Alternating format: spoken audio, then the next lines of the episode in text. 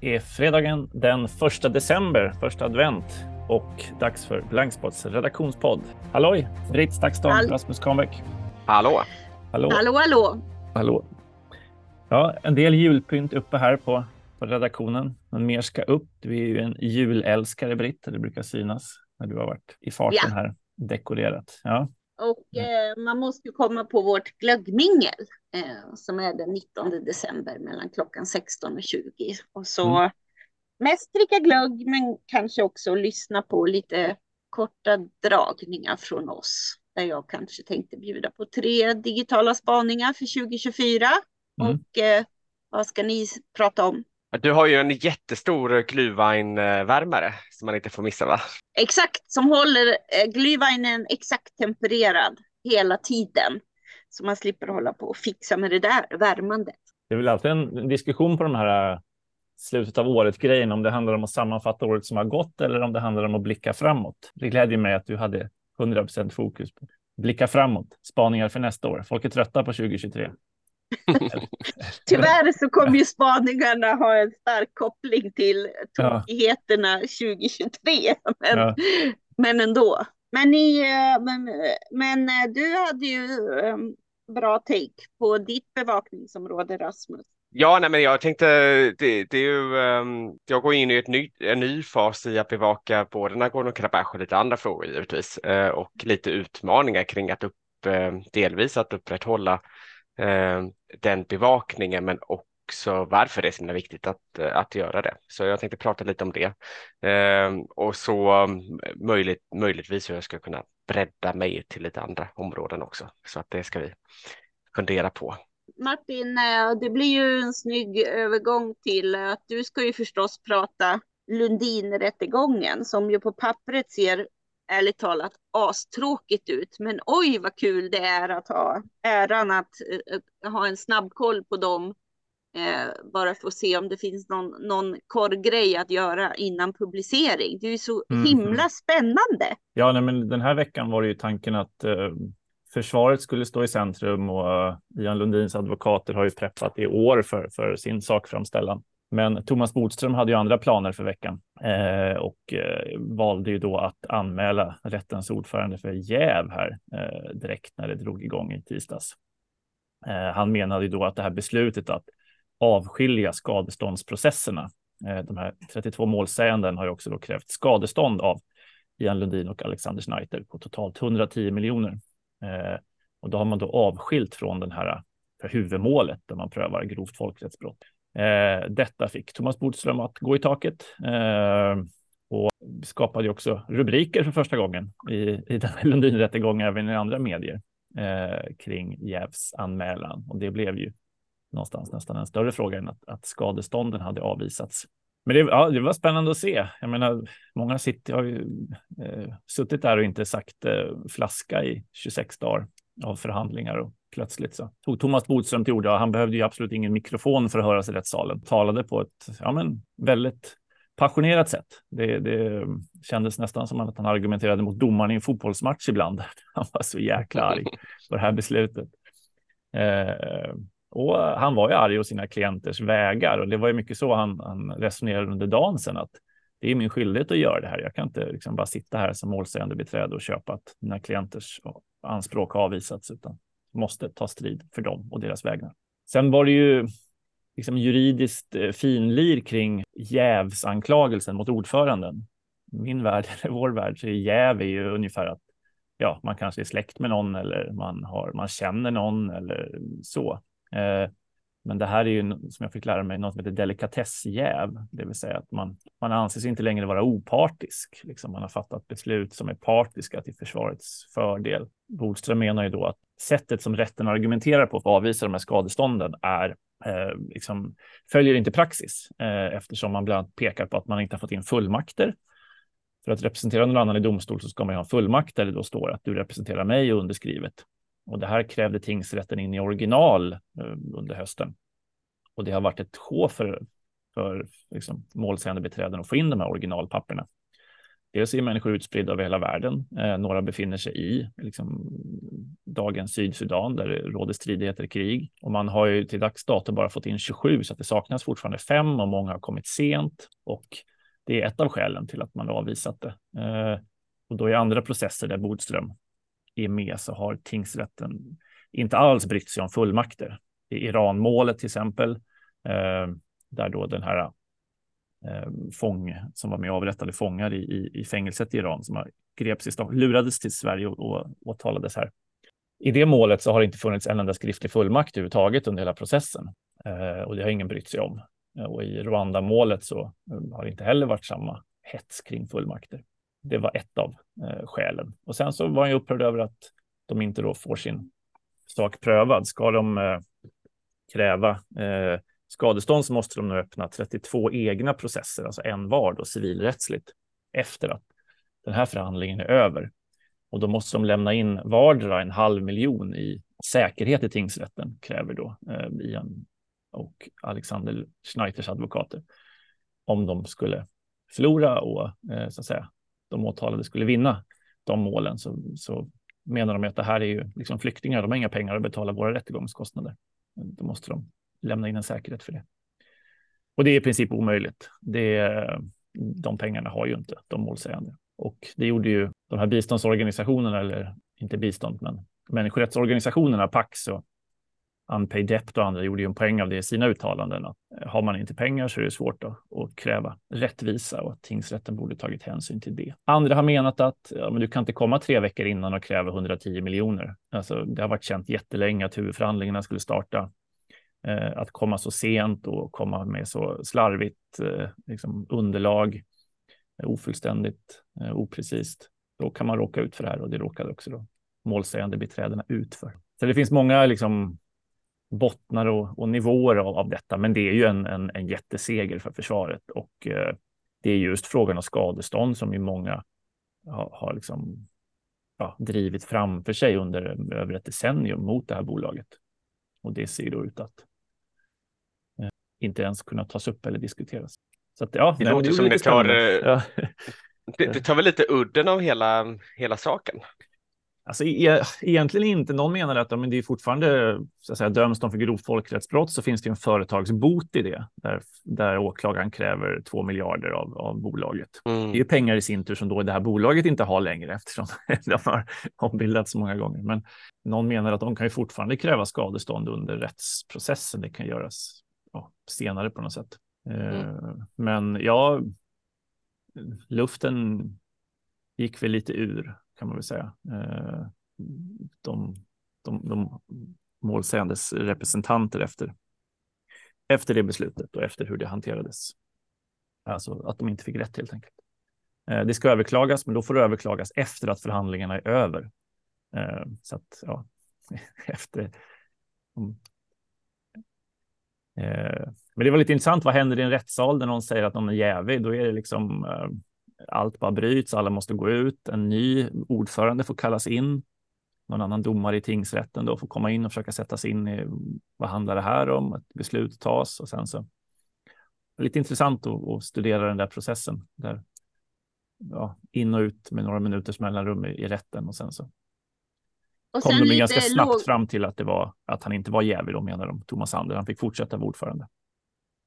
Men nu är alla extremkänsliga för det. Det dök också upp att någons eh, eh, någon har gått i samma skola som någons dotter och ja, nu kommer liksom allt upp till ytan och hanteras att, eh, och avskrivs. Och eh, jag tycker även det märktes eh, när väl försvaret började så inledde de med att få en ordentlig utskällning av rättens ordförande för vad han menade var liksom det här äh, sättet att tala om åklagarsidan på som, som man menar var för ja, raljant. Jag minns inte hur han uttryckte sig riktigt. Men... Så att det får väl också en effekt säkert att rättens ordförande känner ännu mer viktig, att han ska visa att han är opartisk, att han inte eh, på något sätt gynnar försvaret i den här processen heller. Men ja, spännande. Eh, eh försvarets första dagar var ju betydligt mer dramatiska än de här dagarna. Då var det verkligen det smällde i sargen och hade, ja, liksom satte hårt mot hårt. Nu när försvaret började så började man väldigt lugnt och, och eh, första delarna var nästan som en sån här mellanstadieredovisning om vad Sudan är för land. Man visade kartor och sa ungefär att Sudan gränsar till de här, de här länderna. Det är så här många kvadratkilometer stort.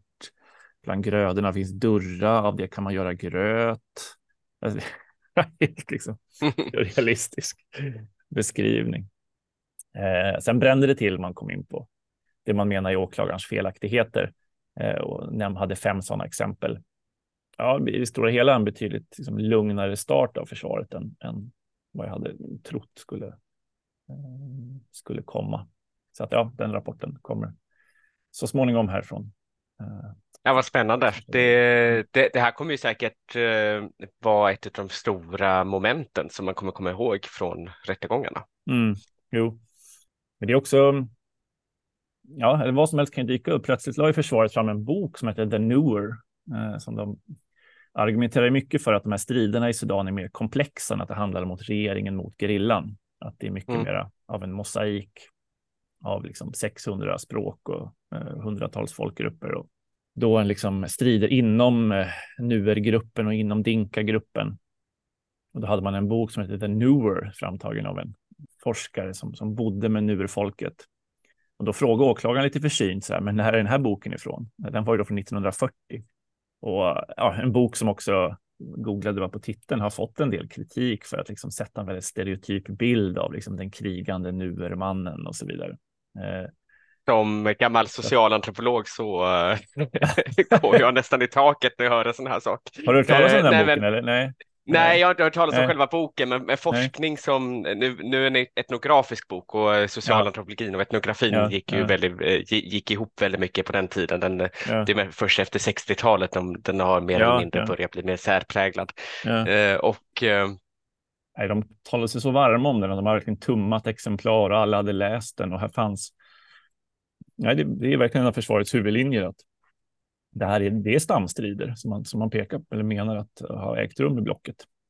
Det är mm. inte liksom regeringsarmén mot SPLA om Sydsudans framtid, utan det är Men det måste ju finnas modernare forskning eh, på sånt. Eh. Ja, det är lite intressant val av bok också. Jag tänker att man saknade ju också, alltså berättelse kommer väl komma sen, men hur var det när de kom till, till blocket? Vad såg de? Vad tänkte de? Eh, att man liksom, lite intressant ändå att börja i The Newer från 1940. Alltså att, mm. Jag tänker, i, om man är anklagad då för att ha lite så här som kolonial approach, att, att börja i det med den litteraturen som, som bevis. Är, ja. Nu har jag inte läst boken och inte kritiken mot den heller, men men, nej, nej, jag har, du, du tar en försiktigare, ja. försiktigare ställning till den. Eh, och det, det förvånade mig, det förvånar mig också att man börjar 1940 och att man inte börjar eh, i mer modern forskning om, om, om strider i Sudan. Det andra som förvånade var väl att man också gör ett case av man försöker bygga en helt annan berättelse där oljebolagets roll blir en del av avkolonialiseringsprocessen på kontinenten. Att när, när liksom länderna blir självständiga i Afrika så behöver de ju utländskt kapital och de behöver utvinna sina råvaruresurser. Och då menar man ju att det, det, FN vill är att utländska oljebolag ska gå in och i samarbete med länderna utvinna olja så att länderna kan få pengar att växa ekonomiskt. Alltså oljebolagen framställs ju då som en del av avkolonialiseringen eh, på kontinenten och det är då en, en helt annan berättelse än den här berättelsen om oljebolagen mer som en del av eh, liksom någon form av post självständigheten så, så eh, var man ändå inte fri för man hade liksom utländska bolag som tog över den tidigare liksom, kolonialmakternas roll. Också väldigt spännande hur man försöker sätta ett nytt, ett nytt narrativ oljebolagens motiv. Mm. Ja, det är superspännande. Mm. Det ska bli en spännande rapport av allt det här så småningom eh, också. Och det var lite kul i WhatsApp-gruppen att ändå när det var de här nyheterna att kunna stressa de andra redaktionerna. Eh, det blev ju också lite några texter om just den där jävgrejen såg jag att andra också plockade upp som inte var på plats. Ja, det är lyxigt för dem att uh, inte behöva vara på plats när, när de har Nej, precis, de kan dig på plats. Pinga. pinga in dem. Men jag sände the newer, ja. inget att flasha. Eller det är precis det man ska. Nu lägger de fram ja. the newer. Det, det är ju någonting som man det, det, är en magkänsla som vi har, som har studerat social antropologi och eh, liknande humaniora länge och haft, att, eh, mm. att respekten för den, eh, för den forskningen är betydligt mindre än för inom eh, lite mer hårda ämnen. Mm, mm. Och vad jag menar med respekten är att man man, man, tänker inte så mycket på när boken kommer ut och så vidare. Mm, mm. Och vad är det egentligen forskningen säger utan att det, det räcker med att tesen, i detta fallet handlar det om att tesen kanske passar deras narrativ. Mm, jo, men så är det. Eh, snarare och om, om, man, om man verkligen, det har ändå nästan gått, vad är det, 80 år sedan den, 83 år sedan den Ja, det är också en tid där det inte gången. det finns inga oljebolag i landet vid den tiden, det finns ingen hittad olja. Det, vi, alltså det är en Ja, ja och, och det blir väldigt, eh, det blir väldigt eh, eh, betonat på endast en parameter, kultur. Mm, eller mm, ja, ja. även för sin tid när man pratar om raser på ett helt annat sätt. nu har inte jag läst boken så att det behöver väl tas in Nej. också, givetvis. Bokcirkel, The Newer. Ja. ja.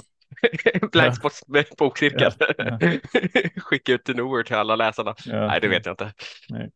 Jag tänker Britt, du eh, från Halkan till Balkan. Du skrev en text i veckan om eh, Så sliter det digitala kriget sönder Sverige. Vi pratade ju om att den skulle komma i, i förra podden om eh, det digitala engagemanget kring. Vad har du fått för reaktioner på den texten, Britt? Ja, det är väldigt mycket in i mediesfären som ju där man har känt att eh, än en gång eh, är så tydligt att det finns, det händer någonting med de här ständiga kraven på väldigt snabba svar. Mm. Eh, och att det finns en utveckling av eh, ja, men, att man inte litar på medier.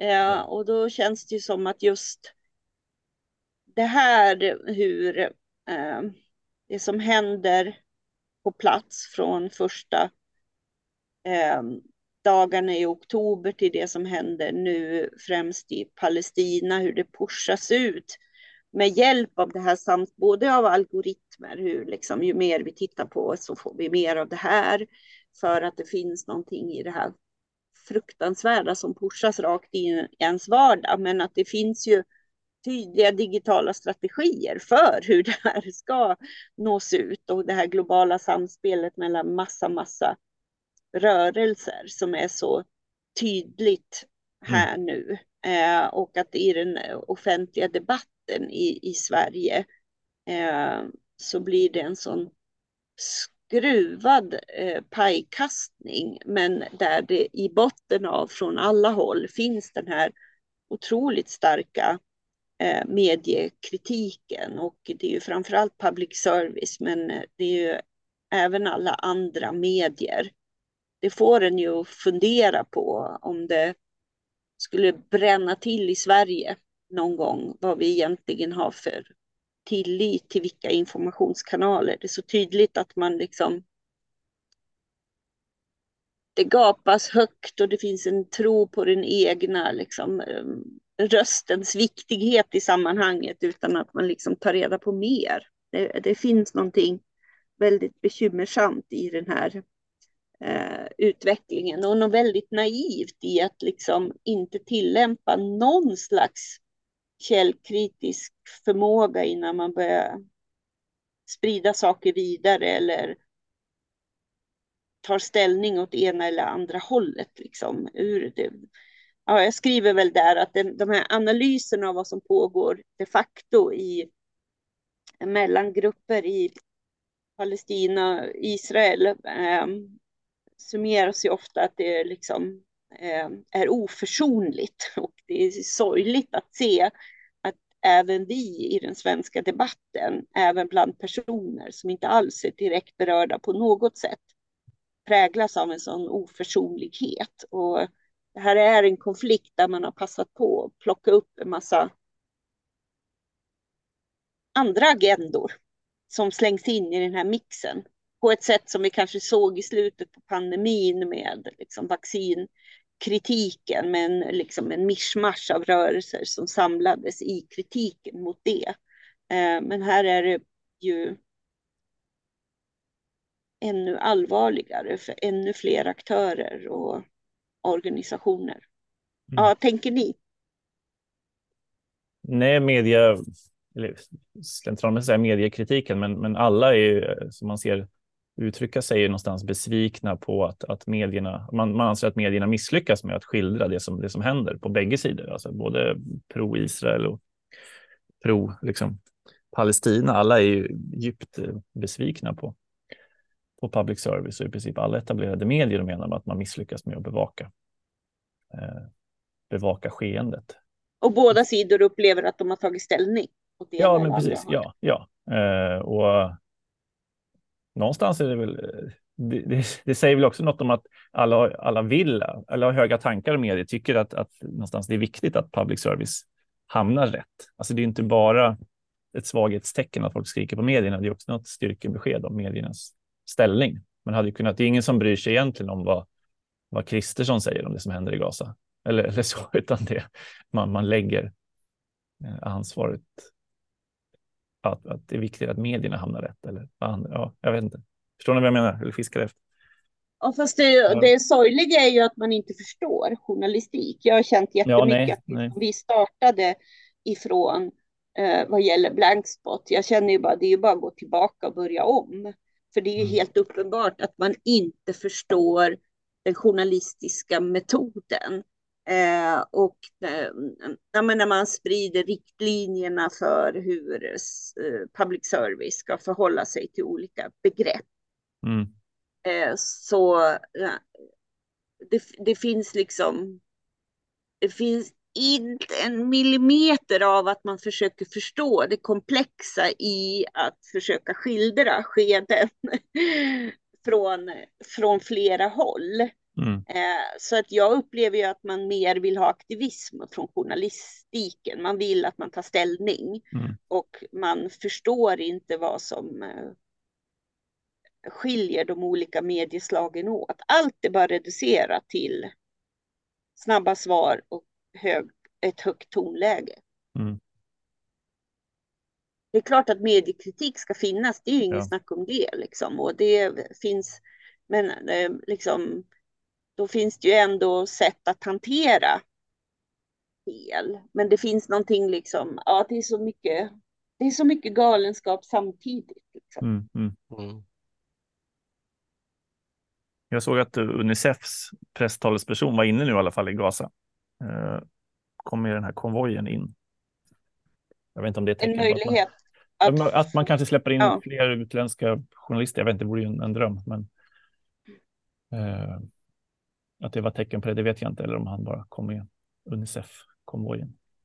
Mm. Eh, det, Men sen det, tycker jag ju generellt att det som missas helt är ju också att på grund av de sociala medierna och också samspelet mellan eh, Black Lives Matter-rörelsen driver ju den här frågan jättestarkt eh, som just ur ett, ett eh, ja, men både kolonialt, liksom mot det koloniala och ett rättighetsperspektiv. Det samspelet är ju jättestarkt. Mm. Och, eh, eh, ehm, nu tappade jag tråden här om eh, och att det finns väldigt många som har engagerat sig i en fråga där man aldrig tidigare haft noll koll på varken regionen eller ens konflikten på något sätt. Mm. Och, men det känns som eh, inte bara att man i den nationella debatten har en väldigt Ja, man är väldigt fast i de traditionella över var vänstern står och var högern står. Men mm. allt handlar egentligen om en inhemsk eh, eh, opinionsdiskussion som man vill ha med sikte inställt på röster i kommande val eller någonting. Det är ju helt att den här konflikten ska vara en grund till det, i, liksom, eller ett underlag till det, eller studsmatta för det, är ju, ja, det är ju hemskt i sammanhanget. Mm. Men eh, konsekvensen blir ju också att väldigt många människor, jag, jag gör ju nedslag i hur reaktionen och vad som hände när människor 2015 fick se ett barn spolas upp på en strand i samband med flyktingkatastrofen, hur det fick människor att nej men nu måste jag ju faktiskt göra något, vakna till liv och känna att här finns det ju mer att göra. Mm. och hur man konkret såg till att kunna möta flyktingar. Och i många fall finns ju fantastiska berättelser om hur det lokala engagemanget klev in direkt, snabbfotat. Och eh, kommunerna kom in eh, först långt efter som har malt i sina processer hur, hur man kunde samverka där och så. Ehm, men i det här fallet, vart, vart ska engagemanget ta vidare någonstans? Det är ju inte lika tydligt här, utan då blir det ju ehm, ett, ehm, ett större medieförakt, ett större politikerförakt, för alla är bara fast i det här eh, höga tonläget och fortsätter att eh, sprida bilder på döda barn. Mm. mm. Utan någon annan riktning än att bli liksom skrika på folkmord men inte ens ta reda på varför man från dag ett inte har kunnat slå fast i något dekret att detta är ett folkmord. Det finns liksom ingen förståelse för att vi trots allt lever i en tid där det finns processer och system som också sätts igång parallellt och några svar får vi inte direkt här nu, vilket inte betyder att man inte kan engagera sig, men man blir lite tokig på den här jakten på bara enkla svar hela tiden. Mm. Nej, det blir ju ett eh, problem. Eh, alltså det här hänger ihop givetvis att, eh, att eh, man, man, man ropar på en eh, objektiv journalistik och man har åsikter på vad som är en objektiv journalistik. Eh, och det ses ju genom det politiska filtret eh, och någonstans så blir det eh, det här, det här filtret ehm, det här filtret, att man ser att man eh, kan lägga hela Israel-Palestina-frågan eh, på den inrikespolitiska eh, diskursen är ju, det, det, adderas ju bara ytterligare den här polariseringen som vi ändå har sett, en, en mm. utveckling mot under många år. och och, och som, som det har ropats efter. Så det blir, det blir, det blir liksom att, att ha hela den här polariseringen och sedan ha en, en riktig konflikt som blir det här filtret. Det, det, det kommer ju inte leda mot en avpolarisering av, eh, av det offentliga samtalet. Det är väl ingen som vill längre, tänkte jag säga. Det är, alltså, det är, som vill avpolarisera, känns det som. Mm. Tvärtom. Ja. Och då blir det ju, det blir, jag vet inte, det blir så här trippelcyniskt på ett sätt som för att in the name of det fruktansvärda som händer människor så gör man ju inte ett skvatt för det i grunden. Nej, nej.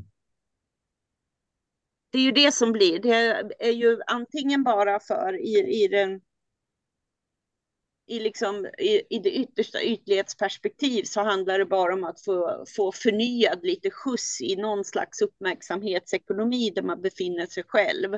Vare sig det handlar om att få fler följare på något eller att diskutera på ett sätt som gör att man får fler lyssnare, läsare eller vad det kan vara.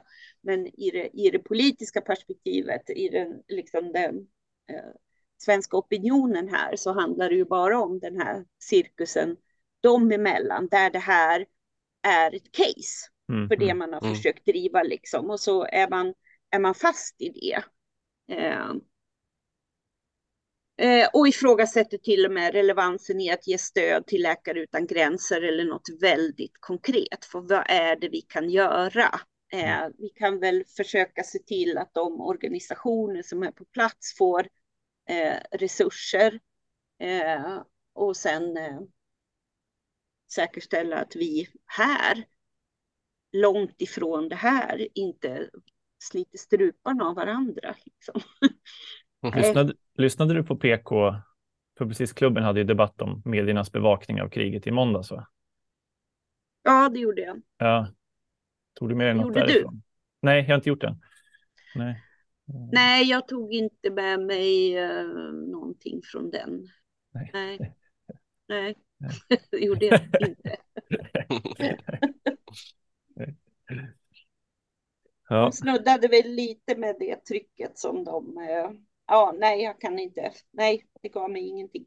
Jag kan väl bara säga lite, lite kort eh, från halkan till Balkan. Jag var ju nästan nere Ja. på Balkan Ja. eh, och vi, eh, jag sa till Martin förra veckan att jag hade en stor utmaning med att få tag på regeringsvänliga eh, personer i, eh, i Ungern när jag skulle vara där och framförallt människor som är kopplade till regeringen på olika sätt och vis.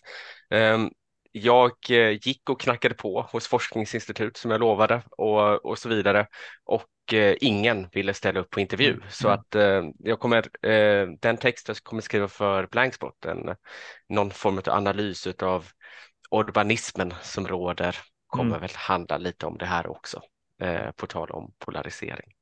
Det känns som ändå en bra motor i reportaget. Stängda dörrar som du knackar på. En bra Mm. eh, dramaturgisk effekt.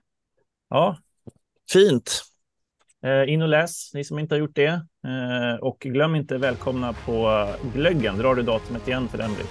Har vi i huvudet? 19 december mellan klockan 16 och 20 och vill man höra oss spana lite eh, så är det mellan 17 och 17.30. Men eh, eh, kika in på sajten så finns det en text om det och så får ni anmäla er där. Mm. Eh, först till kvarn helt enkelt.